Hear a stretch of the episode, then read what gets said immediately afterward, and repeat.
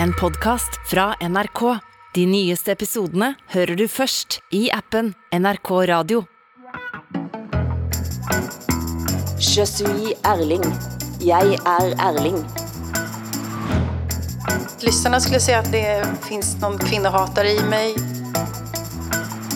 Jimmy Åkesson kan afinvitere forskellige ambassadører. Norsken, svensken og dansken med Hilde Sandvik, Åsa Linderborg og Hassan Prejsler. Velkommen til Norsken, Svensken og Dansken, ukens pan-skandinaviske familieterapi. Det som skal være et frirum for svenske Åsa Linderborg, danske Hassan Preisler og meg, altså norske Hilde Sandvik, for at snakke ut om hvad som sker eh, der hjemme hos oss, og hvordan har uken været for dig, Åsa? Eh, ja, den har väl varit som för alla.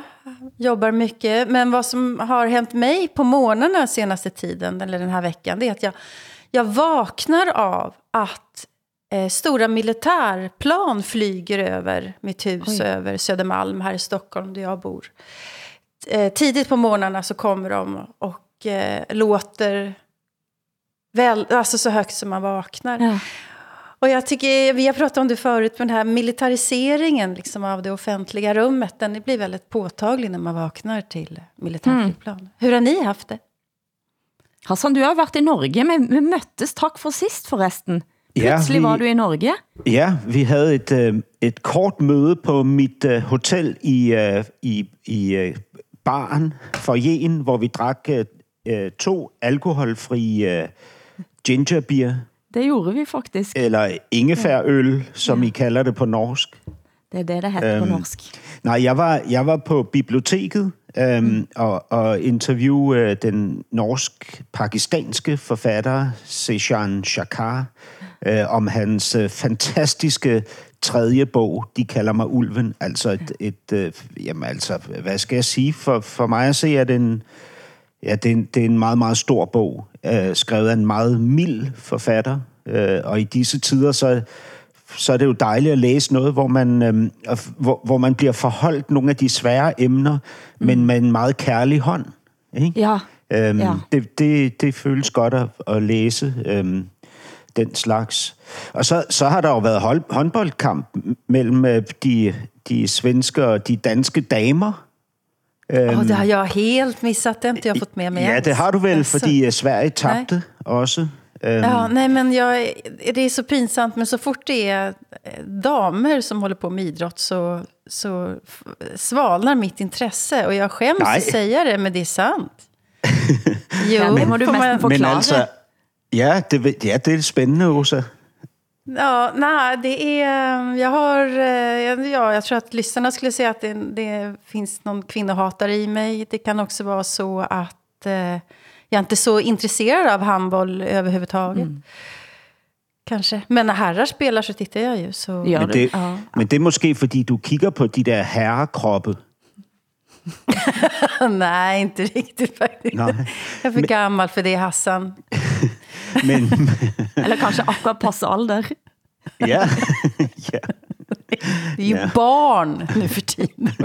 I Men- mina ögon är de barn. Du får tänka på hur gammal jag är. Men, men det, der jo skete, det var, at, at Danmark vandt selvfølgelig øhm, over Sverige, men, men Danmark vandt ikke så stort, som Danmark havde forventet.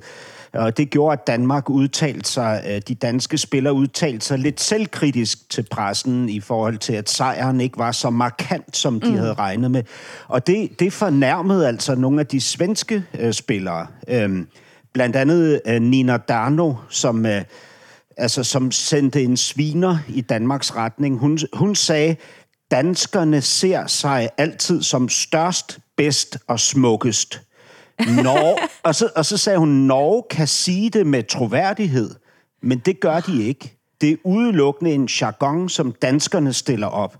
Det er nordmændene. Der er nordmændene mere som os, sagde hun. Hun prøver rett og slett slå en kile mellem os. Det må vi, det må vi tænke lidt på. Nordmændene elsker vi alle, så lad os høre, hvordan vores elskede nordmand har haft det. Har haft det, ja. Jeg tænker at det har været en slags en, en, en stille uke, og det sætter jeg så stor pris på. Jeg mærker at alle uker uden sånne kæmpestore nyheder slapper jeg mer av av Eh, og, og det har været mye at snakke om, og, og i Norge diskuteres eh, dette som skal lægges eh, som frem, eh, og det diskuteres det forslag som Arbeiderpartiregeringen og Centerpartiregeringen har lagt på bordet. Masse, masse styr rundt det. Og jeg kender at det er liksom, de der helt vanlige tingene, de giver mig lidt ro i sjælen, rett og slett. Eh, det er ikke fordi at det mangler store temaer, men ingen av de der chocktemaerne på et vis. Men det är lätt för, för dig som bor i en oljenation att säga att det här Ja, med men- budget, ja, ja, men det, alltså, det är en kontinuerlig kris. I Sverige, Ja, men det- vi har ja. inte några oljefonder. Nej, här är men budgeten poenget- på allvar. Nej, men alt, alt, er jo, alt er jo en krise. Det er en kontinuerlig krise. Men det har ikke været ny gasledning kuttet, eller Nej, just- altså den type saker da, sant? Um, Jag driver lite mer i Norge. Ja. Un- Unnskyld. Og det känner jeg at, det, at liksom, man trænger det, eller det er muligt at det er jeg som kobler lidt mere av, rett og slett. Mm. Altså at det, det er en del ting jeg ikke orker, for eksempel så mærker jeg at jeg ikke, jeg orker ikke at følge med på mellemvalg i USA, for eksempel. Mm -hmm. eh, jeg turte næsten ikke at læse nyhetene før etterpå. Um, følelsen at det kan dukke op et eller andet monster rundt en hver sving, uh, Eh, som jeg aldrig har kendt på på den måten.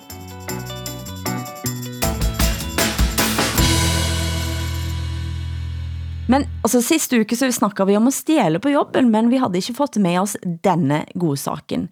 Et politi som havde taget et pakke kaffe fra politistationen i Elmhult, er nu altså eh, friet fra, fra anklage om at stjæle, fordi det var vist nok en sedvane på den politistationen, at de ansatte kunne låne ting.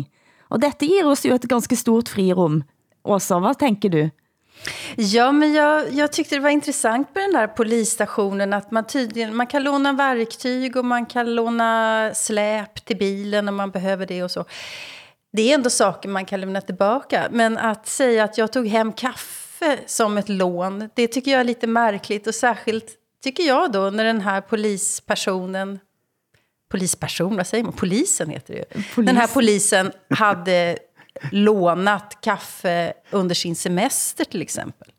Men det, Och sådär. Men, och det, men vad jag framförallt tänker är, eh, personen jobbar på en polisstation och verkar ju inte ha något högre förtroende för sin arbetsplats. Ungefär här kan man stjäla, för det här är poliser som ändå aldrig kan ta fast någon tjuv. Det, det ger ju en bild av hur de ser på sitt eget arbete, tänker jag, eller? Och de hade ju märkt dessa kaffeposarna eh, och kom hem till denne, detta politiet. Eh, Husransakan hade de gjort att leta rätt på och kaffet. Ja, og fandt disse mærker kaffeposene, og spurgte, hvor har du fået tag i dette? Og politiet svarte, på supermarkedet. Ja. Ja, det är också att som polis så vet man väl kanske att man inte ska ljuga när man har blivit haffad. Ja, men det, var, det, är så, det är så fantasieggande faktiskt. Ja, det er det. Jeg hørte om dette på Alex og Sigge, denne store svenske podden, som også snakker om stjæler på jobben forrige uke. Eh, kanskje det er et tegn i tiden, at vi begynder at tænke på den måten. Vi må, vi må skaffe oss ting der vi har mulighed. Det kan man göra. Men vad jag funderar över, alltså den här polisstationen, jag funderar jättemycket på den. Alltså, polischefen vill sätta dit den som har tagit kaffet, misstänker en person, märker upp kaffepaketen och sen gör en husransakan. Det är ganska drastiska åtgärder för Det- någon som man tror vet vem det är som stjäl kaffe på arbetsplatsen eller lånar som hovrätten sen då tyckte att den här personen hade gjort. Det är också konstigt hur den här, tycker jag, att man kan bli frikänd. Men alltså, vi har en väldigt, en väldigt ambitiös polischef och vi har också en anställd som inte tror sin arbetsplats om någonting faktiskt. Att de, ja. Nej, Det er... Mycket psykologi i det här.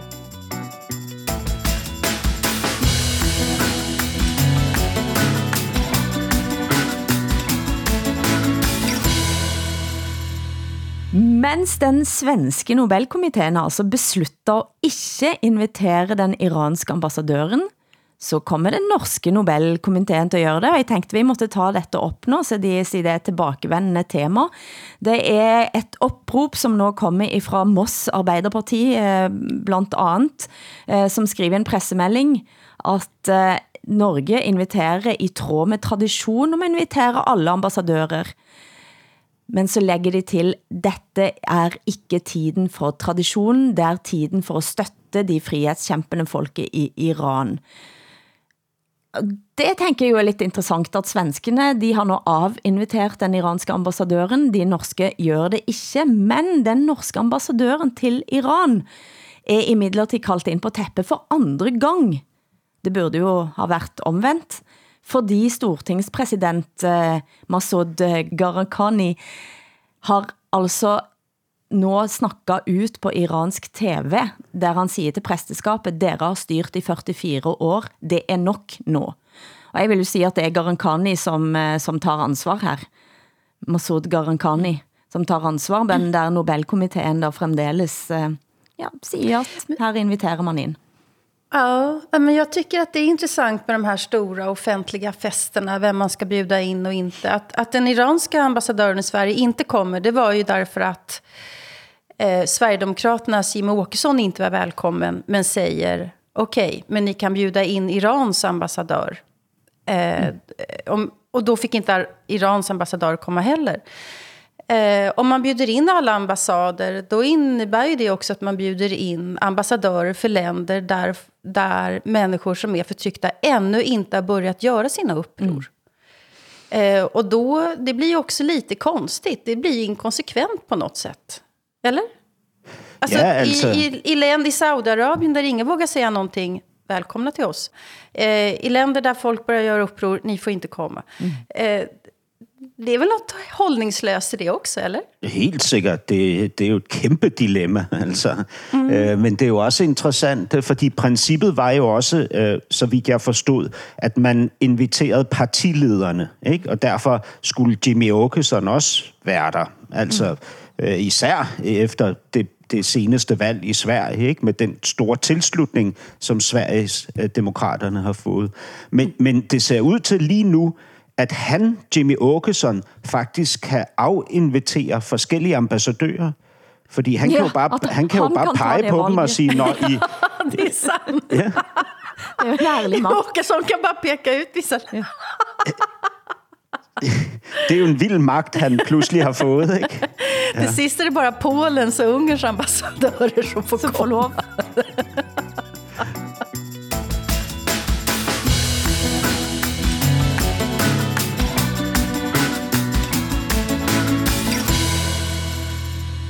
Men dere, vi har fått et lytterspørgsmål. Altså, det er en lytter, som har hørt forrige episode, og spør, spør altså, er vi både mot polarisering i vår podd, og mot midten. Han skriver, hvis jeg forstod dagens sending riktigt, var der bekymret for det danske valget, fordi det var for stor, en, stor enighed mellem partierne og for høflig tone i valgkampen. Tidligere har jeg forstået i podcasten, at dere er bekymret for polarisering i ytterliggående partier, for, for eksempel Sverigedemokraterne. Lidt vanskelig at forstå bekymringen i et valg, hvor 84% afgav stemme, 16 partier repræsentert, alt fra enhedslisten i Dansk Folkeparti ser ikke det ud til at være noget problem for misfornøjde vælgere at finde et protestparti. Er det ikke lidt bra, at der er dannet opførsel i valgkampen, og at vælgerne ikke vælger fløjpartiene? Det spørger altså en lytter. Og det er jo et ganske godt spørgsmål. Hvad siger vi? Ja, altså, ja, jamen, ja, der er jo ligesom to niveauer i det her. Der er jo det, hvad kan man sige, ja, det politiske arbejde, og så er der jo øh, hele, hvad kan man sige, strømningen eller bevægelsen i samfundet. Øh, og, og som jeg ser det, så, så hænger de to øh, øh, ting jo sammen på, på forskellige måder.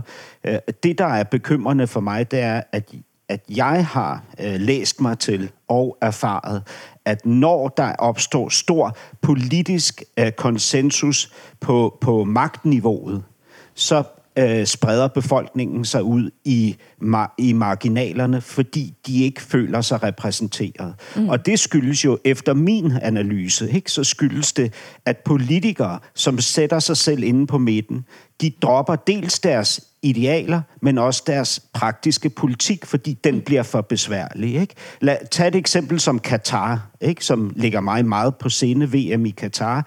Vi har et eneste politisk parti, som har meldt, ud, hvad de har tænkt sig at gøre i forhold til regerings- og kongehusdeltagelse i den her skandaløse fest, der skal foregå, når VM åbner lige om lidt. Ikke? Øh, resten af partierne vælger at se mm hvad befolkningens ønsker øh, via meningsmålinger og så videre, fordi de har lagt sig ind i midten. Ikke?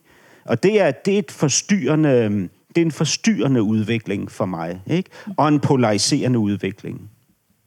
Jag tänker, det var jag som väckte frågan eh, förra veckan därför att Sveriges Radios eh, Danmarks korrespondent hade sagt att eh, den danska alltså, samtalsnivån i Danmark på, mm. bland politiker är mycket trevligare. Det tycker jag är bra.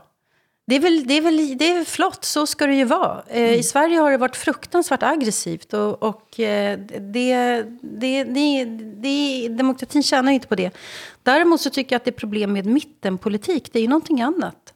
Eh, alltså mittenpolitik handlar ju precis som Hassan säger om att, att alla lägger sig i mitten och tycker, triangulerar och tycker ungefär likadant. Och den mittenpolitik som vi har sett nu de senaste 20 åren, den har ju fått extrema konsekvenser. Den har inte fått lagom konsekvenser, mittenkonsekvenser, utan extrema konsekvenser vad gäller ojämlikhet, mm. eh, social orättvisa, eh, man tycker att saker och ting inte funkar längre och då växer eh, ytterlighetspartierna, om man nu ska kalla dem för det, Eh, därför att folk, precis som Hassan säger, de känner sig inte representerade. Yeah. Och det har, vi, har ju varit ett problem överhuvudtaget tycker jag, att de här mittenpartierna inte riktigt vill erkänna att det finns problem. Det finns, det finns inte objektiva konflikter, det finns inte objektiva motsättningar, utan egentligen så är det ganska bra. Och de som inte förstår att mittenpolitik är det bästa, det sunda förnuftet, de är, de är gnälliga eller eh, eh bortskämda eller sådär, eller de mm. förstår inte. Eh, och då känner ju folk bara förakt för, för det politiska systemet. Ja, og bliver, bliver for eksempel kaldt antidemokratiske, ikke? Jeg vet ikke om dere så det lille klippet. Eh, Christian Bennicke fik akkurat dette samme spørgsmålet eh, eh, på, på dansk tv, og forklarer det på en veldig fin måde, synes jeg. Når du kigger ud i Europa og ser de steder, hvor der er meget stærke centrummer, altså i Frankrig, mm. Italien, også i, også i Storbritannien og, og USA, så sker der det, at, øh, at yderfløjenes idéer, folkets idéer, ikke kan komme igennem, og så bliver der mere og mere frustration. Så altså Christian Bennicke på debatten, og påfølgende mere polarisering kan en kanskje lægge til. Tusen tak for godt spørgsmål. Vi elsker lytterengagement. Du lyssnar på Norsken, Svensken och Dansken. Men vi var inom Qatar, og vi lover en Qatar-runde hver uke før VM. I Sverige også har den svenske sportsjournalisten Olof Lund skrevet en prisnominert bok Templet i öknen. Och du har läst den boken också? Nej, det, då skulle jag ljuga. Jag har läst eh, en tredjedel av boken. Nettopp. Och den är väldigt bra. Eh, jag förstår att den är nominerat till Stora Journalistpriset. Det känns väldigt rättvist. Och vad han visar där, det är ju hur eh, eh, sportwashing fungerar, mm. helt enkelt. Sportsvasking, rätt och slätt. Sportsvaskning, mm. heter det så på norska ja. danska? Nej, inte på dansk. Nej, nej, på norska heter det sportsvaskning. Alltså vi har inget bra svenskt ord för det där. Jag sa säkert fel på engelska också. Men jag tycker det är så konstigt ord att säga. Men han visar helt enkelt hur det går till när de här rika rika diktaturerna, det är inte bara det att de vill ha rikedom, utan de vill ha respekt också. Och då är, är sportvärlden en fantastisk autobahn för att erhålla respekt. Och hur det går till, de här mekanismerna, hur man uppvaktar folk och hur, eh, hur smickrade människor blir av att få en ny karriär, av att få pengar, av att finnas ja. i de här miljöerna. Eh, det är väldigt mycket mänskligt i det här faktiskt. Mänsklig fåfänga och girighet och sådär. Som... Men han är, ju, han är ju en av de klassiska sportjournalisterna som inte har sett detta. Han säger att när jag började titta tillbaka och pussla ihop händelser insåg jag plötsligt saker som jag inte förstått tidigare. Mm. Eh, og, og, han, og, og, og der kommer jo dette danske perspektivet ind også, Hassan. Jeg ser, danske journalisten har været optaget av sportsjournalister kanskje rett og slett er for store sportsfans. Ja, ja og, og, og øh, i, i forbindelse med det, så vil jeg gerne nævne en udvikling, der er sket i Danmark, som jeg blev meget, meget begejstret over at se. Altså, der var øh, under lokalopgøret mellem AGF og Viborg, altså Viborg-klubben øh, og øh, Aarhus-klubben, øh, der, øh, der råbte de øh, tilhængerne fra de to hold råbte til hinanden, øh, boykot Katar. Ikke? Ja. Og det er jo en fantastisk udvikling, fordi hvis det er sådan, at, at, at fodboldfansene begynder at interessere sig for det her, så vil det måske gøre, at journalisterne også mm. vil begynde at skrive mere kritisk. Lige nu, der har vi måske 10, mellem 10 og 20 journalister i verden, som systematisk dækker korruption og doping og seksuel misbrug og den slags historie inden for sporten. Ikke? Det er så få journalister. Der er et par stykker i Danmark. En af dem øh, hedder Jan Jensen. Han er på Ekstrabladet og har lavet en fantastisk øh, podcastserie, der hedder Blodbold, som man kan finde øh, ude på alle de øh, sædvanlige podcast-platforme. Øh, han har lige nu for et par dage siden fået et interview med FIFAs øh, øh, afgåede præsident, øh, Sepp Blatter, øh, som han har været nede og tale med. Uh, my full name is uh, Joseph, but called Sepp Blatter. I was born in the, on the 10th of March 1936. I am uh, working in FIFA uh, since October 1974 and my name was Le Président. Det er meget usædvanligt. Han blev lovet en time, men fik tre timer med mm. ham. Hmm. Hvor, han, hvor han altså whistleblower på FIFA big time. Ikke? Altså big time. Blandt andet fortæller han, at hans plan var, at Rusland i, uh, i, uh, i 2018 skulle have VM. Og så skulle USA have haft VM i 2022, altså det VM, ja. der nu ligger i Katar.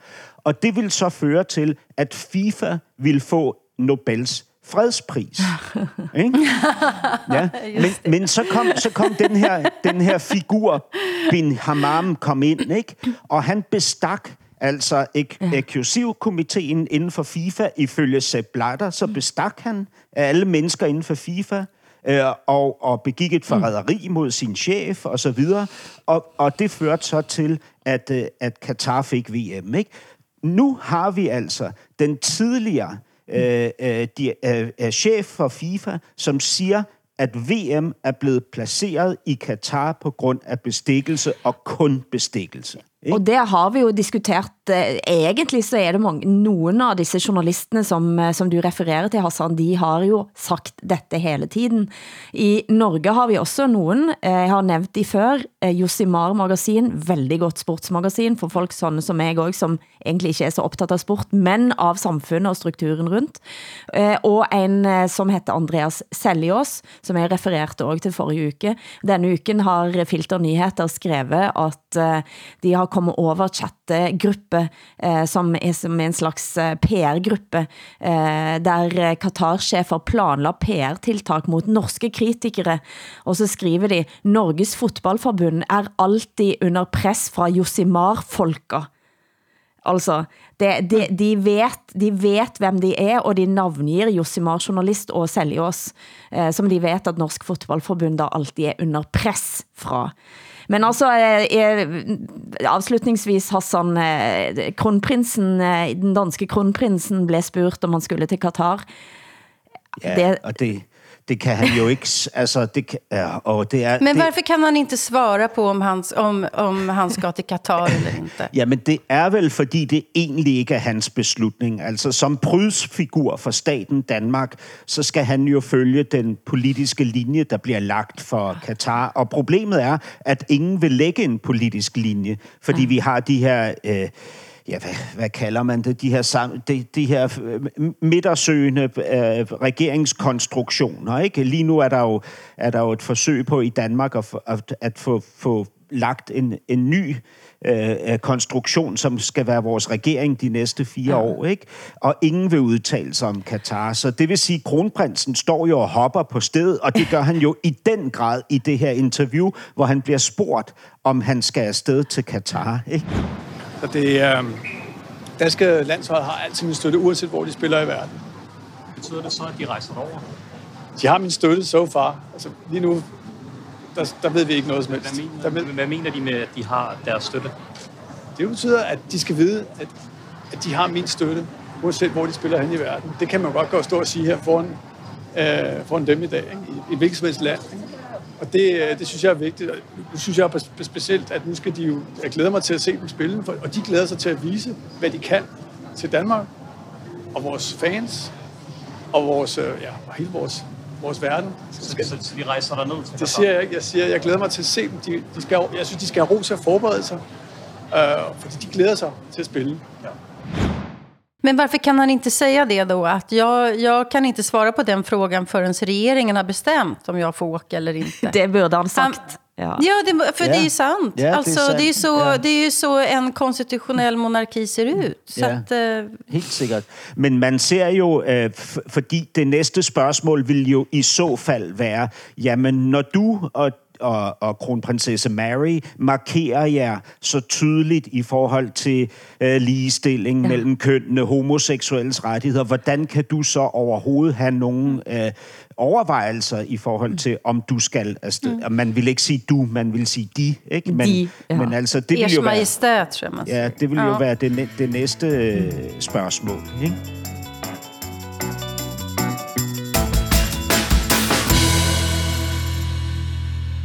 Sverigedemokraten Bjørn Söder, som også skal lede Sveriges delegation i OSSE, Organisation for Fred og Sikkerhed i Europa, vil stoppe offentlig støtte til organisation som kritiserer Tidø-avtaler, altså den svenske regeringsplattformen. Altså han vil rett og slett ta støtte fra Civil Rights Defenders, som har eh, ganske stor eh, statlig offentlig støtte også.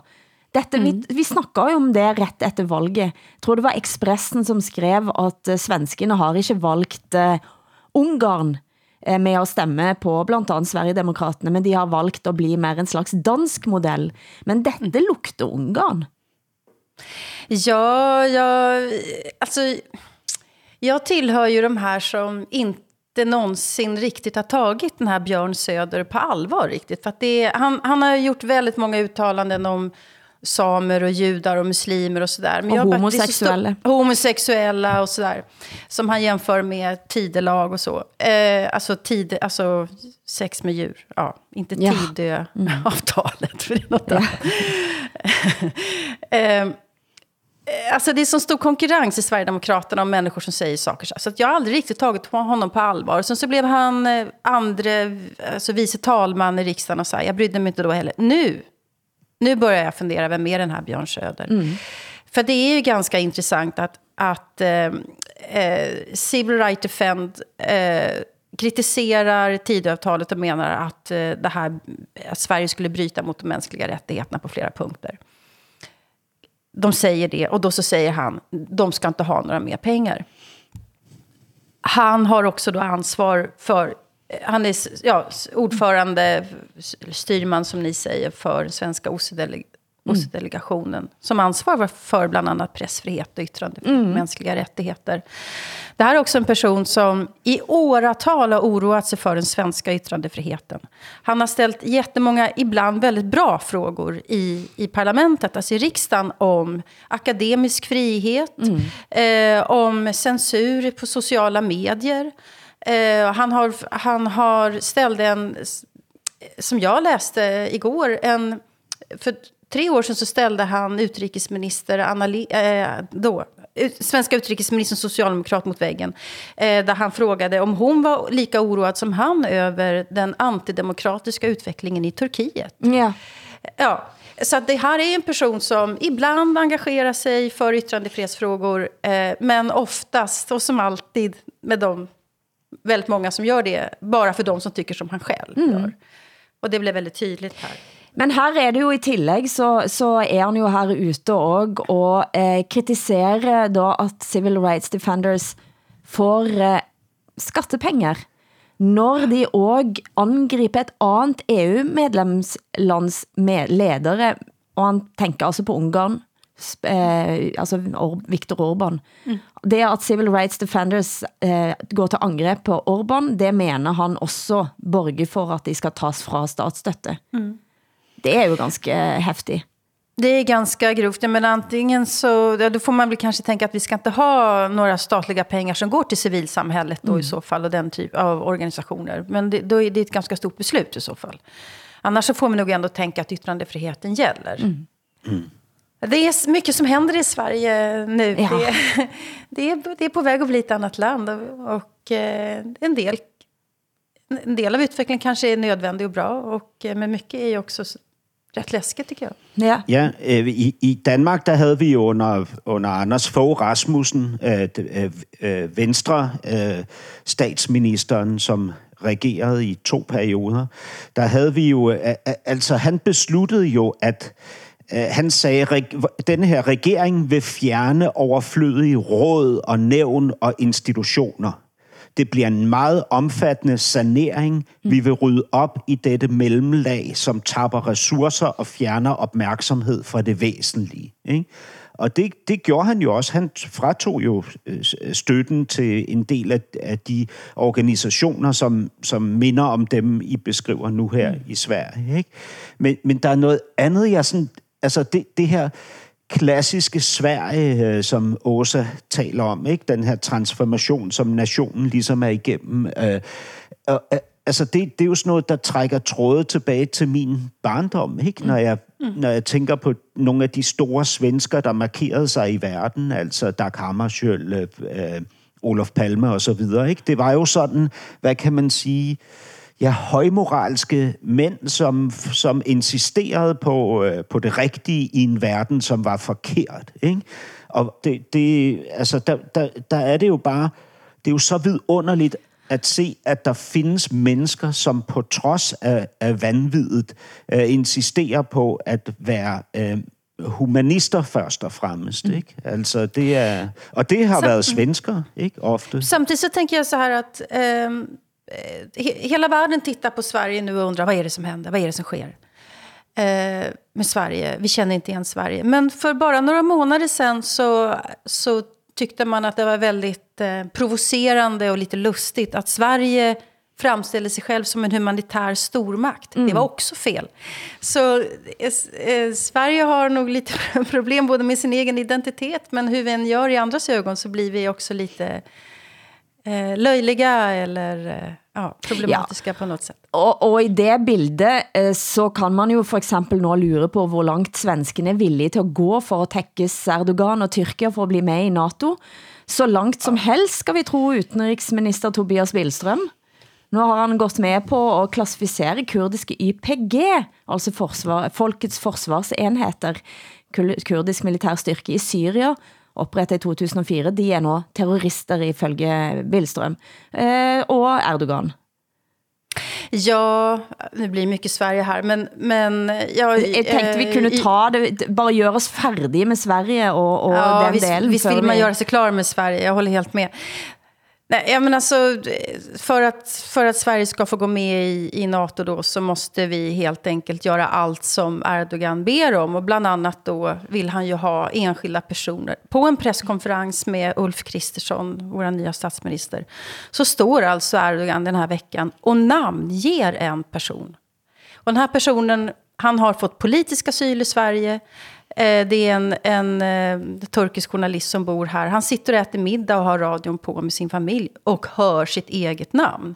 Att Erdogan liksom nämner honom att den här personen ska vi ha. Det är ganska obehagligt eh, faktiskt. Och, Det kan man se. Ja, och det blir ju väldigt konstigt liksom för ett land nu. Vi ska gå med i NATO med argumentet att NATO är en garant för demokrati och mänskliga rättigheter och säkerhet och vad det är. Men det är Erdogan som, som, eh, som just nu håller i taktpinnen där. Erdogan som för övrigt har ett ganska gott samarbete med Putin också. Så det är ganska förvirrande skulle jag säga. Det er mange ting som er forvirrende, blandt andet at YPG også er en av eh, de virkelig store bakforkæmperne for, for det som sker i Iran i øjeblikket. Eh, og, og dette eh, frihetsropet, som man hører kvinder rope i Iran, roper også eh, YPG, kvinder, liv, frihet. Ja, sånt. YPG var ju också faktiskt NATOs eh, allierade i mm. kampen mot IS mm. fram tills alldeles mm. nyligen. Så det är någonting här som är väldigt, väldigt skumt. Ah, ja. Skummelt säger ni väl kanske? Skummelt. Skummelt.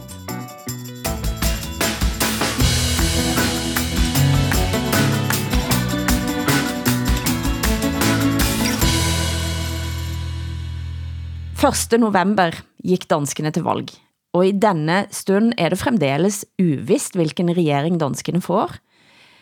Men Lars, hvad sker egentlig med Lars Løkke Rasmussen? Nå, okay, ja.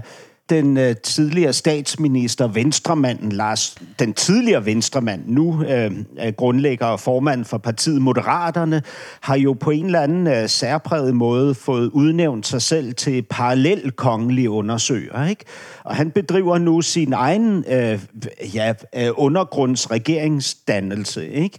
Og det, det, der er så sært med den her figur, det er jo... Øh, altså på mange måder minder han jo om, om, om vores, vores ja, altså, øh, øh, tidligere statsminister Mette Frederiksen, øh, fordi han er jo også først og fremmest et politisk dyr, ikke? Altså på den måde, at han er, er en stor strateg, og magten betyder meget for ham, mm. ikke? Øhm, øh, og, og, og altså så meget, at han kan transformere sig fra at være øh, at drive en regering med støtte fra Dansk Folkeparti, som har gennemført de største stramninger på flygtningeområdet, vi har set i Danmark, til nu at mene, at de fleste af de stramninger er øh, ja, uetiske måske, ikke i virkeligheden. Det er ikke det ord, han har brugt, det er mit ord. Min fortolkning af hans udtalelse. Ikke? Men han ligger jo nu øh, og, øh, og laver natlige øh, opringninger til, til øh, nogle af de nordatlantiske øh, øh, medlemmer af det danske folketing, og og han forsøger at samle øh, øh,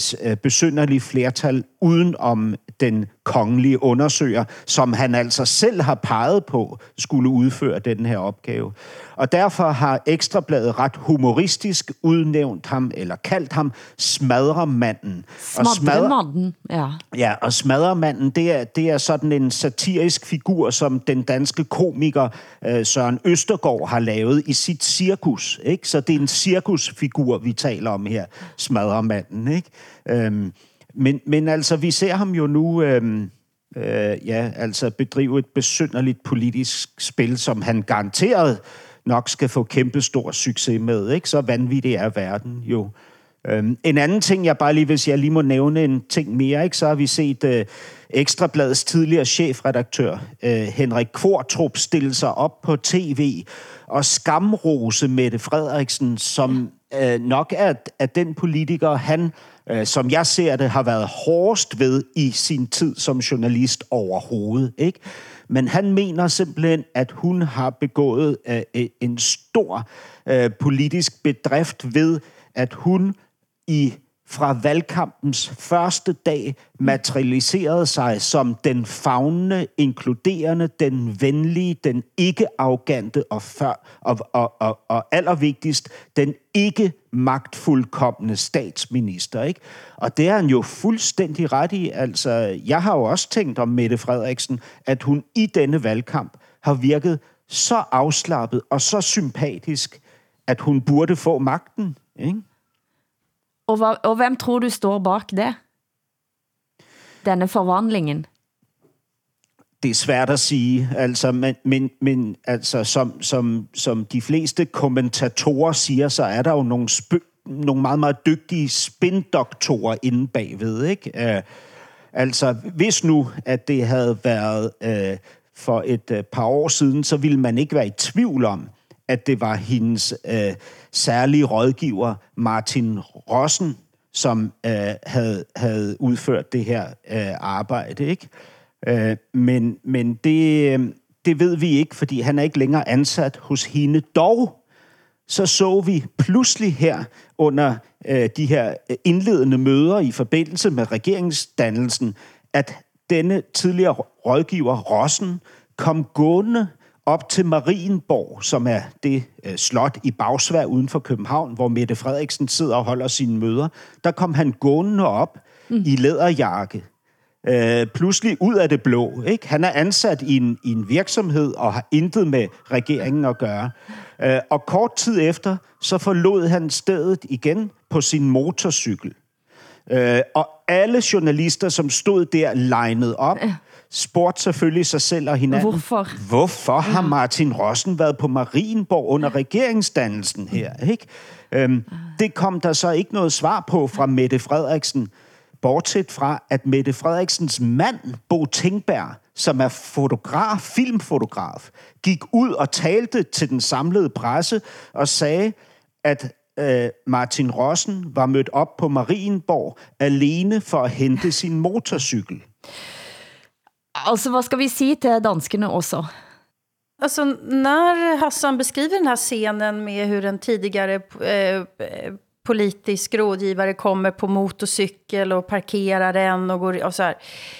Det känns som en filmscen, det känns som väldigt, lit, ett väldigt, väldigt liten offentlighet mm. där man ser allting som sker. Mm.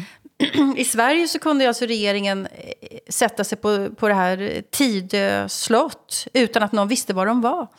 Eh, och så kokar de ihop någonting.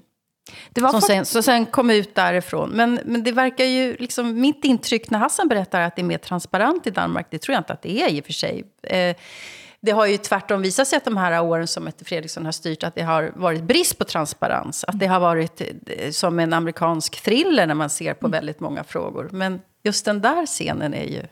Men, men det der jo er... Oskuldsfuld på noget vis. Jeg tror, det du spørger til, eller forklaringen måske i forhold til det, du spørger til, Hilde, kan være, at, øh, at vi i Danmark øh, har, har simpelthen fået politikere med apparater omkring sig, mm. øh, som er så øh, øh, højspecialiseret i kommunikation, ikke? at vi sidder jo øh, og, og er som borgere og er vidne til noget, der kun er oprigtigt, hvis der opstår en sprække. Ikke? Mm. Øh, mm. Resten af tiden, så er det et spil. Ikke? Mm. Og, og, og derfor så tænker vi jo også, at denne her mand, Martin Rossen, at han ankommer i fuld offentlighed, det er der en grund til. Mm. Hvorfor skal vi se, at han ankommer mm. og kører igen? Og for at signere sit værk, ah, som jeg så nogen skrev. For at Men, hvad? For at signere sit værk var det nogen, ja. som, eh, som... Att signera sitt arbete. Ja, ja sitt ja. arbete. Ja. Men det var, det var en lytter som, eh, som mente at eh, kanskje er det sådan, at grunden til at man har en mer høvisk den type debattoffentlighet i Danmark, som ellers er kendt for at være veldig hard, men altså at denne høfligheten i, i det politiske, at det også er fordi at Danmark er et lite land, der folk bor tæt på hverandre og nærmere på Europa, mens i Sverige og Norge, der vi har disse langstrakte land og vi møter jo ingen folk, så kan man eh, bli mer hissig, men det, jeg vet ikke akkurat uh, om, om, jeg, om jeg tror på det, men... Uh, Nej, det, jeg men tror, det ikke, to, men man, tror det ikke nærmere, det forholder sig omvendt, at hvis man går op og ned af mange mennesker hele tiden, så bliver man let så irritabel. Man. Ja. Hvorimod, hvis man sjældent møder mennesker, så bliver man, uh, så er man mere begejstret og afhængig af dem, ja. man så endelig møder. Jag skulle ju säga att det, det politiskt vänligaste landet är ju, som, i mina ögon, det är ju Norge. Helt klart. Eh, och eh, Sverige är det som är absolut mest aggressivt. Och eh, jag tror att en förklaring, en, en förklaring av flera, är att ni har en helt annan marknad för eh, aviser, alltså för tidningar. Mm. Ni har stora respekterade tidningar med olika ideologiska grundtoner eh, som man inte kan gå runt helt enkelt. Och det har vi inte i Sverige, utan tidningsfloran är betydligt mer. Det är fyra stora tidningar som dominerar. Eh, och, eh, och sen så har vi public service och alla politiker måste gå igenom samma kanaler. Och de intellektuella har liksom inga mm. riktiga frizoner utan vi har verkligen mittentidningar skulle jag säga i Sverige. Det skapar aggressioner. Du hører norsken, svensken og dansken. La oss holde oss i Sverige. For selv om verden brænder, hvad er vel vigtigere end en skikkelig influencersak? Toppinfluenceren Margot Ditz er en av nabolandets største influencere med godt over 650 000 følgere på Instagram og YouTube, der hun viser små og store hændelser for hverdagen, men nå får hun imidlertid stor opmærksomhed for en video publiceret på YouTube. Jag har låst dörren, vi ska ringa polisen. Det är någon som sover här. Det går inte att öppna dörren, för någon ligger Åsa, hvad er det hun har filmet? Ja, hon har alltså eh, filmat en man som ligger utslagen utanför hennes dörr. Och sen så har hon tagit med sig sin son som också ska få titta på den här mannen. Och så har de petat lite på honom och sen så ringer hon en, en vän och frågar om, om hon ska ringa polisen. Eh, och det här är väl ett, ett eh, exempel på hur såna influencer måste skapa, som det heter, content. De måste skapa innehåll i sitt liv. Eh, och då fick hon det här serverat. Men det var jo ikke bare en ven hun ringte, hun ringte sin personlige træner. Det er, jo Ja, en det liten, det, er jo en, eh, det er jo en liten detalj i dette. Ja, det, det är väl en Og han liten sa ring politiet, men- han eller hun. Ja, just det. Kritiken är nu att hon utnyttjar en, eh, en utslagen man eh, för att, att tillfredsställa sina följare. Och för att kunna... Tillfredsställer man sina följare så får man mer annonspengar. och så lever... Ja, det är en livsstil som jag tycker är så gräslig faktiskt. Att jag... Men altså her, hun får jo, altså det er jo en ting at hun skaber massevis av aggression i kommentarfelt, og folk har været sinte, men, men for en influencer så er det værste selvfølgelig at eh, blandt andet denne træningsproducent, altså de som lager de træningsklærne hun går med på videoen, de vil ikke længere sponse, der er masse som ikke vil længere sponse, og, og, og, og, og trekke sig under, og vil ikke associeres da med dette menneske, som pludselig nå fremstår som eh, et eh, moralsk eh, ikke så højværdig menneske længere. Altså det er jo en, ah, ja. Ja, går- men det är lite hjärtskärande på sätt och vis också. Men jag menar, om man är en influencer så bygger det på att man är ett moraliskt föredöme på något sätt. Någon att se upp till.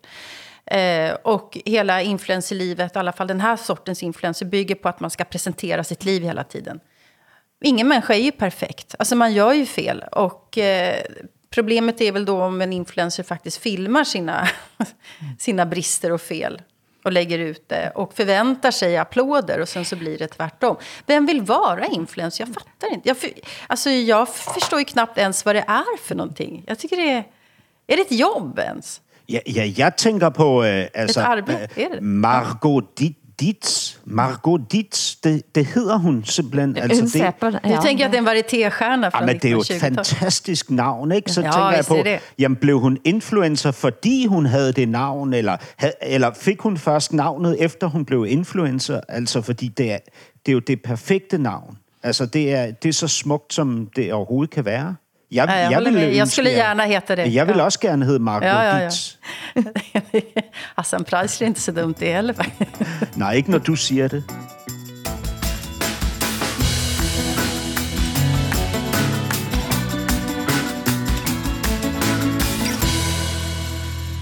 Urinfluenserne blandt oss er vel eh, kongefamilien, eh, og denne uken eh, så er det en stor sak for Norge, der prinsesse Märtha ikke længere skal repræsentere kongehuset.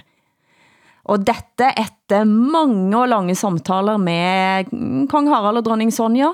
Eh, kong Harald som eh, uttaler sig på denne måten om, altså grunden til dette er forlovelsen med Durek Verrek, eh, denne shaman Durek, som han kaldes, eh, som har eh, synspunkter som kongefamilien synes blir lidt vanskelig at svælge i offentligheden, når det blir skabt en bånd her til eh, prinsesse Märtha, men kongen ler og siger, amerikaneren skønner ikke bære.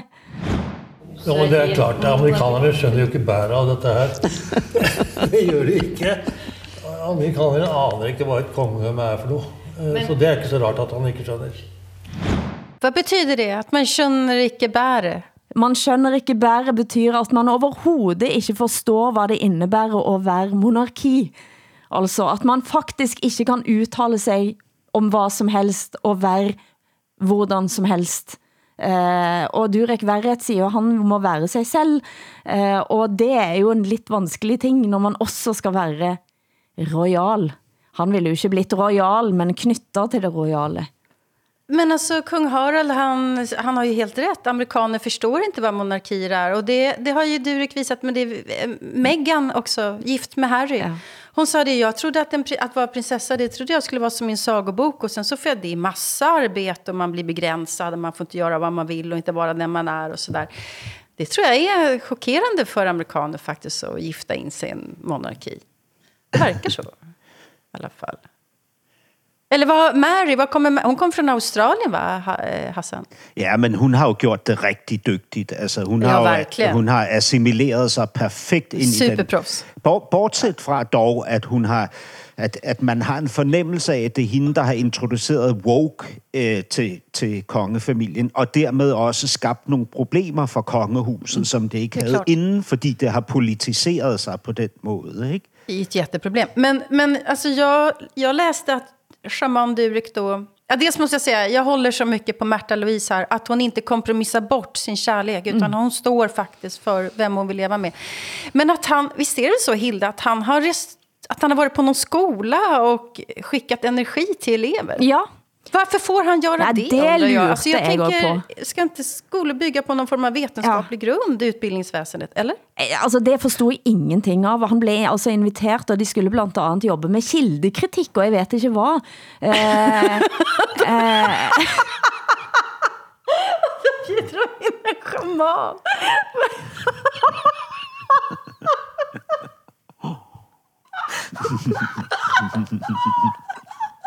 en Gud, Vilken Norge-historia, men den är ju sann.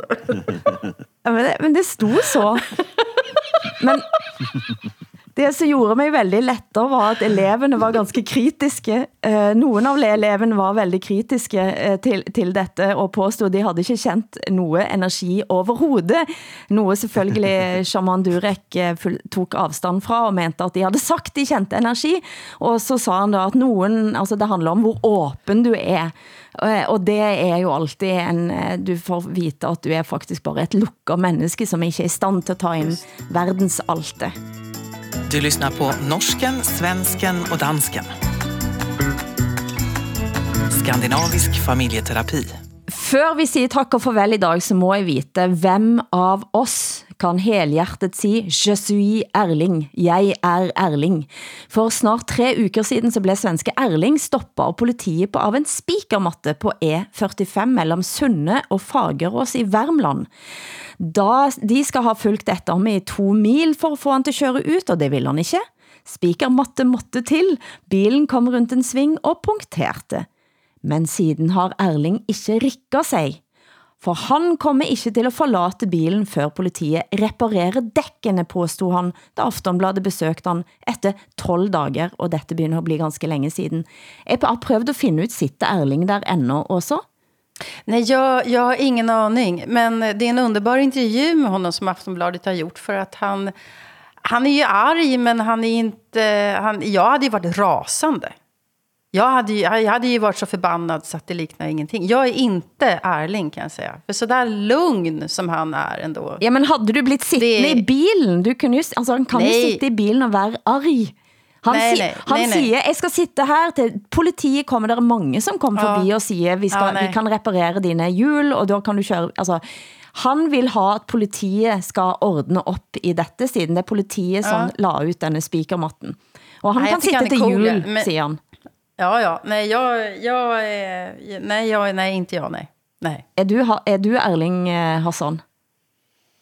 Jamen, Er- Er- Erling, Erling er jo lidt... Øh, I virkeligheden, så er han jo lidt som nogle af de her øh, gamle mænd, vi har talt om i dag, ikke? Altså Dag Hammarskjöld, Olof Palme og så videre. Altså han står på sit, ikke? Fordi han ved, at det er rigtigt, ikke? At det er ret. Øh, sådan er jeg ikke. Altså, jeg er en vindbøjtel. jeg, jeg, jeg tilpasser mig øh, så hurtigt som øh, overhovedet muligt. Ikke? Men altså, i forhold til autoriteterne, systemet, så, så er mit bud, øh, at den er os tre, ikke? som minder mest om Erling. Det, det er helt klart Åsa. Mest eller minst? Mest. Altså, Mest? Ja. Nej, nej, nej, inte alls. Eh, Nej, nej, nej, nej. nej. Det- Nej, men du må forklare, nej. hvorfor Hassan, hvorfor er Ja. Line Åsa mest? Jamen, det er jo fordi, Åsa er jo sådan, i hvert fald i sine udtalelser, er hun jo meget anti-autoritær, ikke? Ja. Jaha, men det tycker jag väl vi är allihopa. Jag tänker att Hilde är den som är mest lik Erling. Nej, Jo, för att, för att du... är- Nej, men du har, du har någon slags eh, envishet i dig som jag inte har. Jag är för rastlös. Jag vill bara dra. Jag vill alltid bara vidare. Men du Ja. har ju en, en eh, envishet Jamen, siger som du, är at, at Hilde er stedig? Sted? Vad var det? Hvad, bet- Sted. Vad betyder envis och vad är stedig i denna sammanhängen? Vad- Envis, det är att man inte ger sig. Alltså man, man Ja, bara, ja, det här, okej. det här ska jag fan bara fixa. Det, det Ja. är ju du, Hilde. Ja, det er stedig på dansk.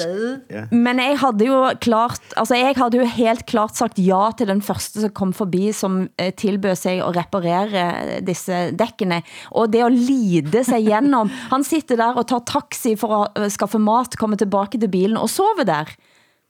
Ja, det är lite rättshaveristiskt kanske. Det, det är ju ingen av Nej. Nej. Det må bli sidste ord fra oss i ukens Norsken, Svensken og Dansken, og la oss gå ut med Erlings svar på spørgsmålet om hvordan han holder motet oppe. Han svarer, for det er like ille hele året. Hur gör du för att hålla humöret uppe om dagarna?